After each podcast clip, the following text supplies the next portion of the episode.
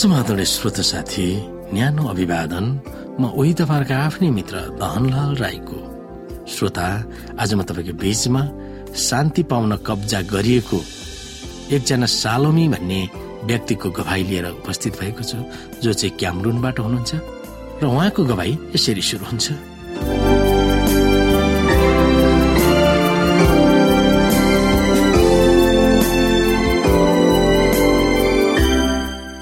सालोमीको अर्थ शान्ति हो। पश्चिम अफ्रिकाको क्यामरुन देशमा रहेकी एक युवतीको नाम सालोमी हो। तर उनको नाउँ सालोमी भए तापनि उनको जीवन अशान्ति नै अशान्तिले भरिएको थियो। उनी दुष्ट आत्माको कब्जामा थिइन्। त्यस दुष्ट आत्माले उनलाई सताएको सताएकै गरेको थियो। त्यसको अर्थ उनको किशोरी अवस्था अत्यन्तै सङ्घर्षमय थियो।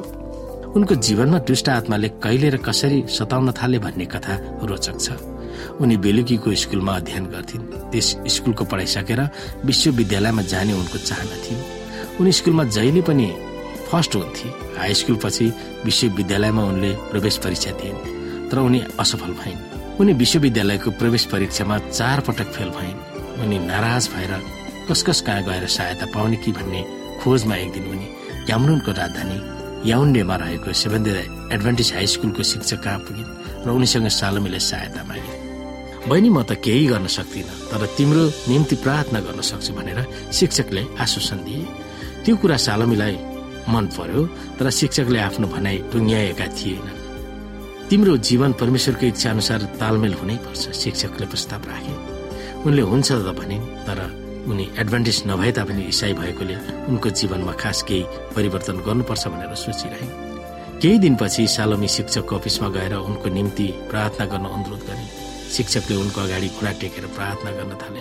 तब सालमी चिच्याउन थाले। उनको मुखबाट अनौठो शब्दहरू निस्कन थाले र हात खुट्टा हल्लाएर कराउन र रुन थाले। शिक्षकले प्रार्थना गर्दै रहे अनि सालमीको मुखबाट शिक्षक र परमेश्वरलाई गाली बेजेतका शब्दहरू निकालिन्। जब केही समयपछि सालमी शान्त भइन् तब उनलाई के भएको थियो भनेर शिक्षकले सुनाए।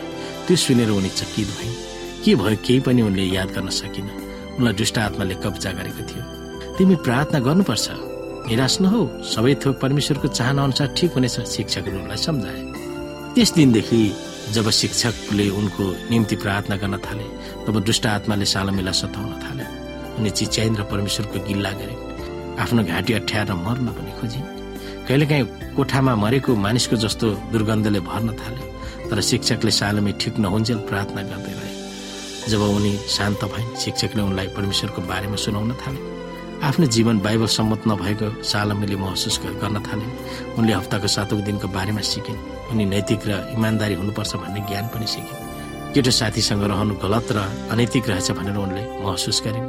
उनले आफ्नो जीवन परिवर्तन गर्न थालिन्। उनले आफ्नो केटो साथीलाई छोडेर सावतमा चर्च जान थालिन्। अनि एक दिन सालमीलाई घरमै दुष्ट आत्माले आक्रमण गर्यो। उनको टाउको बेसरी दुख्न थाल्यो। उनले सेभेन एडभेन्टी साथीलाई सहयोगको निम्ति फोन गरिन्। जब साथीले उनलाई फोन गरिन् उनले फोन उचालिन् र के भयो भनेर साथी सालमीको घरमा आइन्। जब उनी सालमीको कोठामा पसिन् तब उनले कुहिएको लासको गन्ध सुगिन्। साथीले प्रार्थना गर्न थालिन्।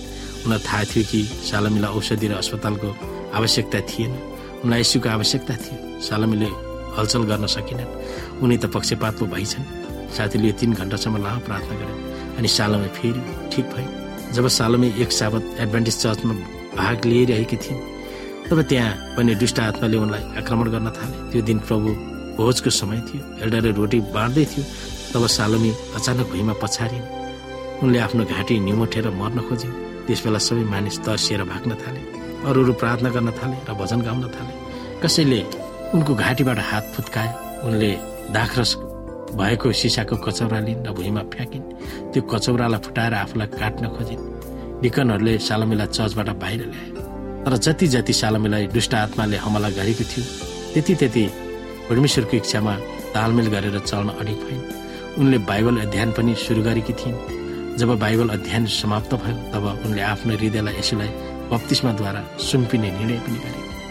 दुष्ट आत्माले उनलाई अन्तिम आक्रमण गरे। जब उनी बत्तिसमा लिन पानी निर आएकी थिइन् तब उनी जमिनमा पछारिन् अदृश्य शक्तिले उनलाई पानी निर जान रोक्न खोजेको जस्तो देखिन्थ्यो। सालमै दुष्ट आत्माको कब्जामा परिरहेको महसुस गरेर पानीमा पर्खिरहेका पास्टरले आफ्नो हात बढाएर उनलाई तान्न खोजे। दुष्ट आत्माको नियन्त्रणमा रहेकी सालमी हात दिन मानिन। पास्टरले त्यसको वास्ता नगरेर उनलाई पानीमा ताने। जब सालमीलाई पानीमा चोपाले तब उनले रिसले कड्किन थाले। पास्टरलाई थाहा थियो कि यो दुष्ट आत्माले उनलाई बत्तिसमा लिन रोकिरहेको छ। जब सालमी पानीबाट निस्किन् तब दुष्ट आत्माले उनलाई छोडेको थियो। उनी हर्षले भावविहोर भएर हाँसिन्। बत्तिसमा पछि दुष्ट आत्माले सालमीलाई फेरि कहिले पनि आक्रमण गरेन। तर जब उनले पाँचौँ पटक विश्वविद्यालयको प्रवेश परीक्षामा भाग लिन पढिरहेकी थिइन् तब दुष्ट आत्माले उनी कहिले पनि पास हुँदैन भनेर हतोत्साह गर्न खोज्यो। उनको जीवन असफल थियो र उनको जीवन सफल हुँदैन भनेर दुष्ट आत्माले उनलाई काने खुसी गर्यो। सालमी विश्वविद्यालयको प्रवेश परीक्षामा सफल भए। आज सालमी एकतिस वर्षकी छिन् र उनी चर्चको डिक्नेस छिन्। उनले एडभान्टेज हाई स्कुलमा पढाउँछिन्। त्यही स्कुलमा उनी अध्ययन गरेकी थिइन्। उनी चारपल्टसम्म विश्वविद्यालयको परीक्षामा असफल भएकोमा परमेश्वरलाई धन्यवाद दिन्छन्। म विश्वविद्यालयको प्रवेश परीक्षामा असफल भएकोले नै प्रार्थनाको निम्ति मलाई परमेश्वरले डोर्याउनु भएको थियो। म भित्र दुष्ट आत्मा रहेछ भनेर मैले महसुस गर्न पाएँ अनि उनीबाट छुटकारा पाउन पनि परमेश्वरले अगुवाई गरिरहनु भएको थियो। खुसी भएर सालोमीले लेखकलाई सुने श्रोत साथी हामीले सालोमीको जीवन परिवर्तनका कथाहरू सुन्यौँ।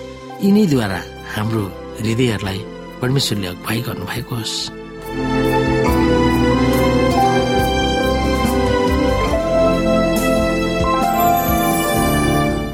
श्रोता आजको लागि बाइबल सन्देश यति नै। हस्त नमस्ते। जय मसिंह।